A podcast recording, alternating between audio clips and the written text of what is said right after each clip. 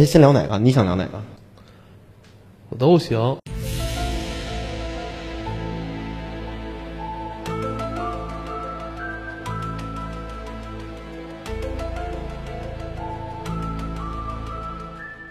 嘿哈喽，大家好，欢迎收听许久不见的《黑水怪谈》，我是艾文。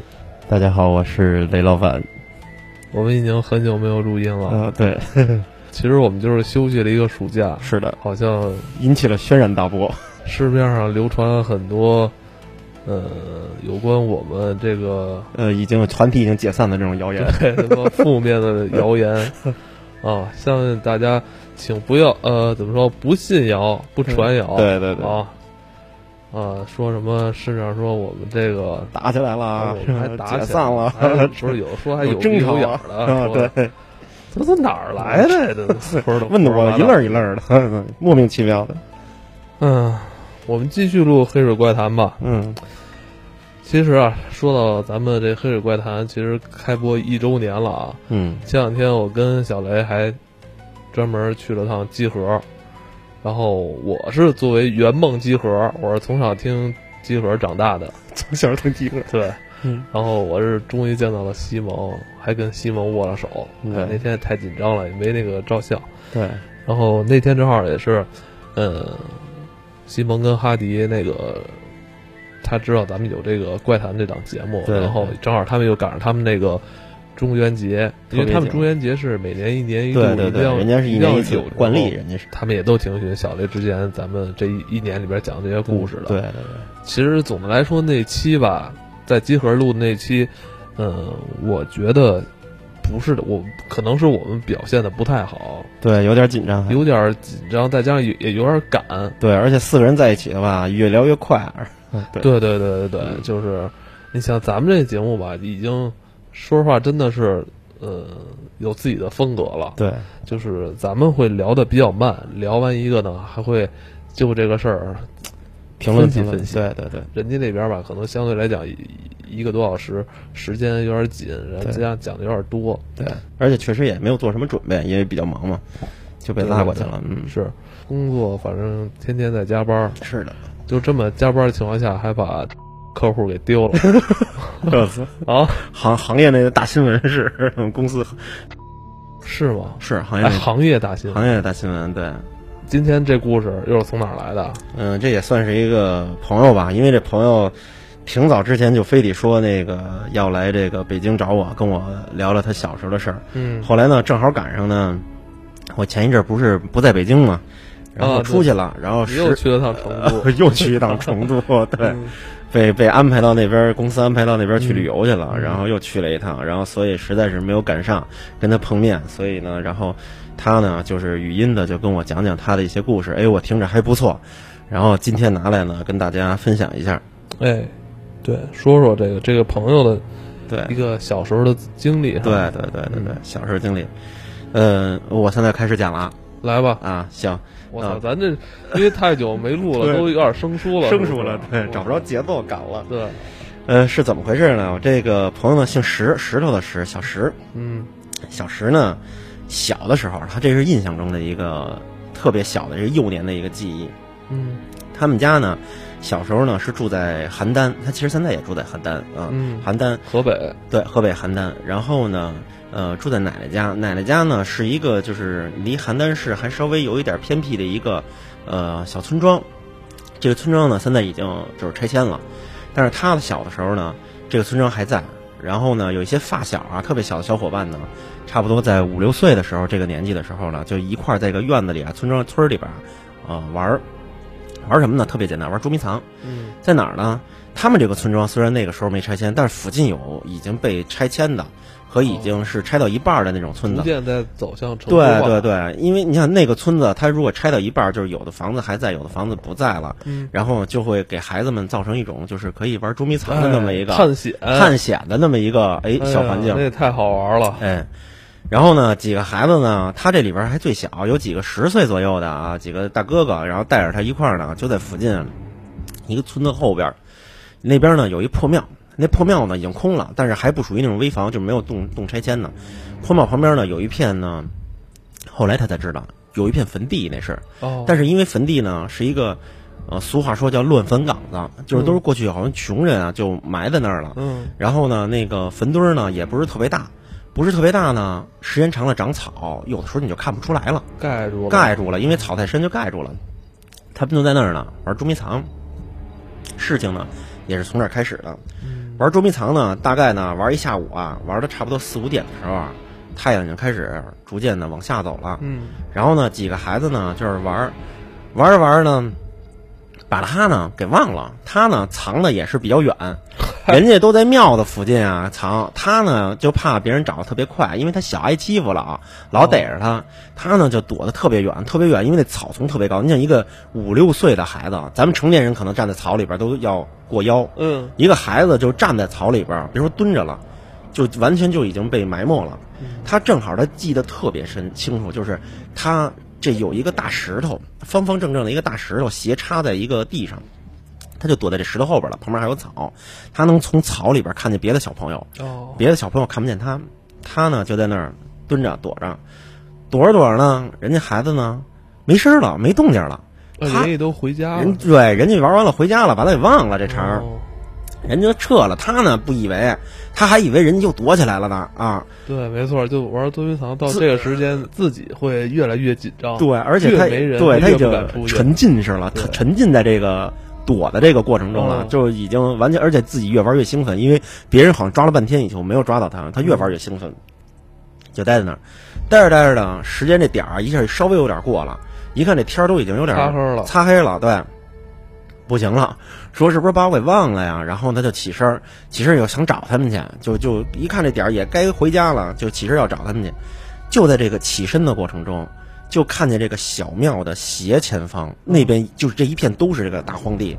哦说他眼看着斜前方有几个，他记得特别清楚，穿的特别破、特别旧的衣服。后来他长大了以后，他回忆说，那不是特别旧、特别破的衣服，就是完全穿的是古代的衣服。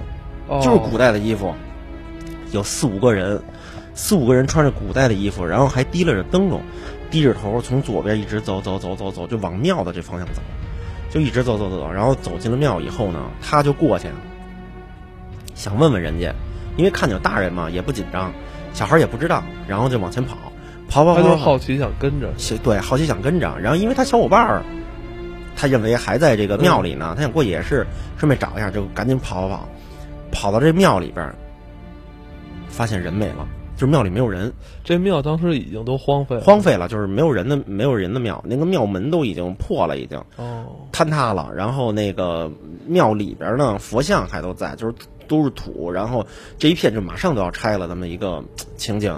然后进去了以后一看，又，没有人，那庙其实不大，嗯。他左右找也没有人，一下就小孩有点害怕了，害怕了以后呢，就赶紧从庙里出来了，因为那庙里边已经很暗了，很暗很黑了，然后就出来了，当时也没有路灯吧？没有路灯，根本就没有路灯。他一出来的时候，一刮小风儿，一冷，然后再一看，这附近这一片草，然后村子还在特别远的地方，就一下就害怕了。害怕了以后就是喊喊，就一边跑一边喊喊妈妈妈妈就喊，就往回家跑。他离家有多远？离家差不多，呃，可能有从咱们就是就比如说在奔奔驰大厦这点儿，一直走到那边那个那个呃商业街那边叫什么来着？差不多有那么我知道，我知道，呃半站地那么远，嗯，差不多半站地那么远，七大也有七八百米。七八百米，半站地那么远。然后呢，这是一点。后来呢，他就不记得了，他就不记得了。不记得是因为什么呀？是他他妈告诉他说，找着他的时候，他在村门口自己是低着头走呢。就是他完全这个，他对小时候的记忆中间有空白。他说他记得当时特别害怕，就往家跑，一一边跑还一边喊他妈。然后，但是他妈后来跟他说，找到他的时候，因为已经天黑了，别人家孩子都已经回来了，附近家邻居孩子都回来。后一问他们家小宝还没回来，然后就跑出去了。跑出去以后，没出村子多远，就在村门口自己人低着头走呢。然后呢，他妈就过去了，说那个说别人都都回来了，说你怎么这么晚还没回来了？跑跑哪儿去了？又瞎瞎玩去了。然后他们家孩子也不说话，就记着他也不说话，不说话呢，就拎着他，就是他妈就以为他自己孩子就是知错了，然后也挺害怕的呢。然后低着头，对，低着头就拎着他就往回家走，往回家走呢，就出一什么问题呢？孩子晚上不敢不说话，其实不敢说话，一直还不说话。一直不说话。然后吃饭呢也没吃几口，问他什么也不说。然后呢，他爸呢就问那个找他们家那个邻居那个比他大那个孩子，就问说你们下午去哪儿玩了？然后就指哪儿哪儿哪儿。然后他爸说坏了，说别他妈吓着孩子了，说因为那边是一片乱坟地哦啊，别他妈说孩子眼太干净吓着孩子了。哦其实呢，是真吓着孩子了，是怎么着呢？孩子记得特别清楚，他小时候就是他晚上他爸他妈晚上在大屋，大屋呢看电视，还有他奶奶什么的在家里看电视。还是当天晚上？对，就是当天晚上，不是不仅是当天晚上，过几天晚上，他这点他记得特别清楚，他记得特别清楚什么呀？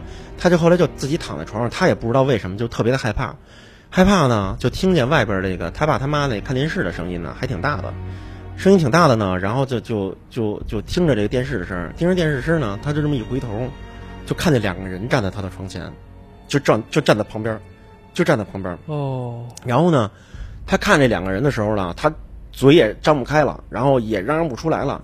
然后呢，这个时候呢，他明显能听见他爸他妈在外边说话，就是聊天，声音还挺大，就是屋也没关门，就能听见这个说话的声音，嗯说话的声音呢。然后他跟我说，他就记着，就这个两个人一直在骂他。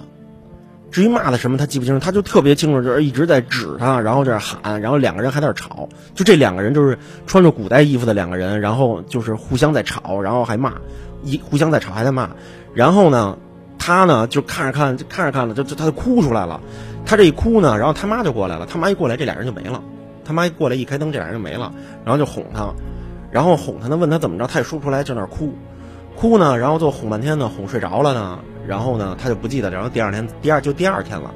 接连这几天，每天晚上都是，尤其是到晚上十点的时候，他记得特别清楚，因为他爸他妈看电视要看到十点十一点那会儿，晚上看电视剧，一到这个点儿，这个两个人就出来，出来以后呢，就是就是这个呃对着互相骂呀还是什么的，他反正他记得特清楚，具体骂什么的这两个人互相骂，同时还指还指他他，对，说他就是一边指他，然后两个人还一边骂，然后还指他，然后就骂这个孩子什么的。然后呢，他爸他妈，而且他什么时候骂呀？就是他骂他妈一说话的时候，外边一有动静，他们俩就开始。哦，然后最后呢，给他妈也吓着了。为什么呀？最后他就实在是忍不了了，这孩子特别小，他就他妈后来跟他说，他自己走出来，就颠颠颠自己走出来以后，跟着他爸他妈说，你知道说什么吗？哦，说嘘，别说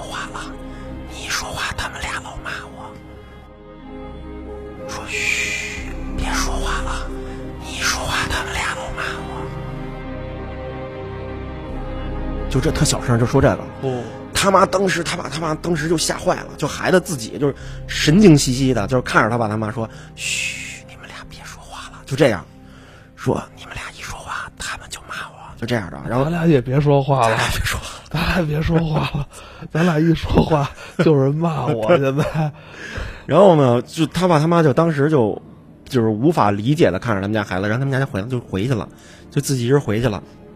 回去了以后，从那天晚上，他们家孩子就开始发烧，发烧呢还醒不了，醒呢就是饿了的时候醒，醒完了以后呢，然后给给他吃点粥，喂点药，然后就还是又又睡觉，睡了以后呢就发烧，后来实在不行，就是到了县城里边的这个医院，然后给孩子打点滴，哦，后来都不管用，都不管用呢。后来家里人就说说他妈这孩子是不是中邪了？说是不是身上沾了脏东西了？呵，然后呢，就是找谁看的？就就是找老人啊，老人说家里人就是说这孩子，包括有这种怪异的行为，哦。包括从那天出去玩回来，哦，然后呢有这种怪异的行为，然后就又又又发烧又生病，然后去带医带带去医院，去医院烧了好几天，然后一般咱们去医院打那个点滴可能特别快就就退烧了，但是孩子也不见退烧，然后就是老还昏迷不醒，然后大夫说这个查不了，要不然你说你们上市里边医院去看哦，看，能查。能查能查能查呃找大仙儿，就我一哥们儿，嗯。就真是我这这跟我的十几年交情一哥们儿，嗯。就咱北京的啊，嗯。那个他奶奶嗯。以前就专门处理这种问题。哦，是吧？他们家是以前姚家园那片的，嗯就以前姚家园还没有像现在建起来的时候，嗯以前是那边的村儿嘛。嗯然后他奶奶就是他们那片村儿里边的一个能帮小孩儿解这种事儿的。哦，最后他们也是，呃嗯他奶奶专门有一套自己的那个口诀，嗯然后，呃，是怎么着啊？就是他，我印象中他跟我说过一次，就是谁家孩子，比如说有感冒发烧，嗯去医院看好不了，嗯。打针吃药都不行，然后就找他奶奶去。嗯。找他奶奶就是他奶奶就是印象中他跟我说好像他奶奶还钢镚儿，嗯。然后把钢镚儿好像是怎么转起来或怎么着的，嗯，等他转停了，然后看 钢镚儿不是指哪儿，还是说啊怎么的意，反正指哪儿，就是说领着你们家孩子去那个方向转圈儿去，哦，转两圈回来就好好。了，那可能这种法器和法术不一样，他因为后来他有孩子了，啊，后来也有有后来就他奶奶就是好像不是用这方法，嗯是用其他方法，还还把那个感冒发烧给治过。他那个也是，后来也是村子里边找人找了一个，也是这个长者，村子里的长者。嗯，后来呢，给孩子弄回来了。别说长者生日刚过，哦，是吗？他就记得那天就是躺在床上，躺在床上呢，这个老头儿就过来了。过来以后呢，嘴里念念叨叨，念念叨叨，好像反正这个程序特别复杂。对，就是最关键的一部分，他记得特别清楚，别的他就记得特别乱，然后就是又乱，然后又闹，然后还有这个这个老头儿一直在前面一直在好像叫做法吧，反正是怎么着。最后一个关键的一步，他记得特别清楚，而且就这一个步骤，就让他就是他自己有明显身体上就是感觉特别清爽的那种感觉，是什么呀？是那个老头拿了一把小米儿，就一大把小米儿，给搁在了一个碗里边，一个小碗里边，搁在一个小碗里边，然后把这碗小米儿就给扣在肚子上了，因为他扣在肚子上，他记特清楚，他那小米儿特凉，就扣在肚子上了，然后这个再拿这个碗在他这个肚皮上上下上下这么来回来去走，他觉得特痒痒，然后就在这走的过程中的时候，他就觉得不仅是痒痒，还有就是那个精神感觉特别好，然后一边走一边走，他就感觉这东西逐渐的不是特别痒痒了，而且感觉不到这个小米了。感觉不到这个小米了，然后就一直在这儿上下走，上下走，上下走，上下走，走着走着走着走着，然后完事儿了，就停在他的这个肚皮上，然后慢慢的把这小碗拿出来了以后，那小米几乎都没了，我操，没了，不就是掉他妈肚脐眼儿里了？没有，就是就是他记特清楚，就是那人就真的是抓了一大把，然后就打开了以后就剩一点儿了，就就哦就都滑滑到床上了，然后里边又是那你就说滑到床上就完了。就就就不是没了，就真的没了，就滑到床上也没多少，剩下的那些东西就是不是不够一把就没了就，就大部分都没了，就是特别神奇。然后没了以后呢，然后在他头上还摁了摁，然后就人家说就完事儿了。然后完事儿了以后呢，小孩儿就嗯感觉自己也没什么问题了，就好了。然后晚上吃饭也没问题，第二天、第三天就都没事儿了。哦，就是就是他记得就是这回事儿，就记得特别清楚，尤其是那小小米儿在他肚子上走的时候，来回来去走的时候，他就明显的开始就你你撒一把小米儿你自己身上你也能感觉到，他说就是走着走着走着走着就感觉就没了，就就没这种感觉了，然后再一打开的时候就没了，哦，然后就就结束了，有这种事儿是有的，是吧？就是在以前嘛，嗯就是农村啊，嗯或者怎么着的，都每个村儿都会有这么一个。对，因为我小我我小姨当年出事儿的时候，不是也是找大仙儿吗？但没这么神，嗯，嗯我觉得你小姨那是纯属骗子。但是病后来也好了，可能是医疗技术的问题。嗯呃，这事儿我觉得回头，嗯，咱们可以找老罗哦，我我帮帮你再解一解。是吗？我记得他跟我说，说了一个什么，说他那个仪式叫什么，呃我不知道啊，叫我不知道他他也不不记得说的对不对，叫削筋儿还是叫什么？我知道捏鸡，他叫什么削筋儿？他记得不太清楚了，但是他记得，因为当那个他们说的还有一点儿就是那个就是那个河北话有点口音，但是他记得口就是他这个叫什么？叫削筋儿，好像是、嗯。我不知道咱们听众里边有没有知道这东西的，叫反正是削什么，说老罗应该知道。是吧？对，回头就是还有另外一档节目，也是邀请咱们去聊这个事儿，是吧？正好能解这个。可以解这个。大家关注一下小雷的微博，我们会把之后那档节目的分享出来。分享出来。行，啊。你的雷，你的微博叫雷老板，就是雷老板，对，雷老板就是雷老板，对，找找人再给研究一下吧，研究研究。咱们接下来是黑水怪谈的第二第二年了，对，咱们不能像以前似的就。只把这现象，只把这故事说出来是吧？咱们还得研究研究。为什？么？王刚说的嘛，去伪存真嘛，对，去伪存真，是吧对对对咱们也要保证一颗这个探求这个真真相这个心对？吧？呃，你因为这种事，说实话，真的你在几十年以前一点儿特别特别普遍，特别普遍特别普遍。如果我觉得这种事儿，如果他一点儿源头没有都没有没有因根源，如果是这种胡说八道或胡来的话，那这种人根本就不可能不能生存对不能生存下去不可能生存对下去对对，还是可能有一些原理的。对，嗯或者说他是不是起到哪些这种辅助的效果？对中医啊，或者是对嗯，或者说是怎怎么一种对形式？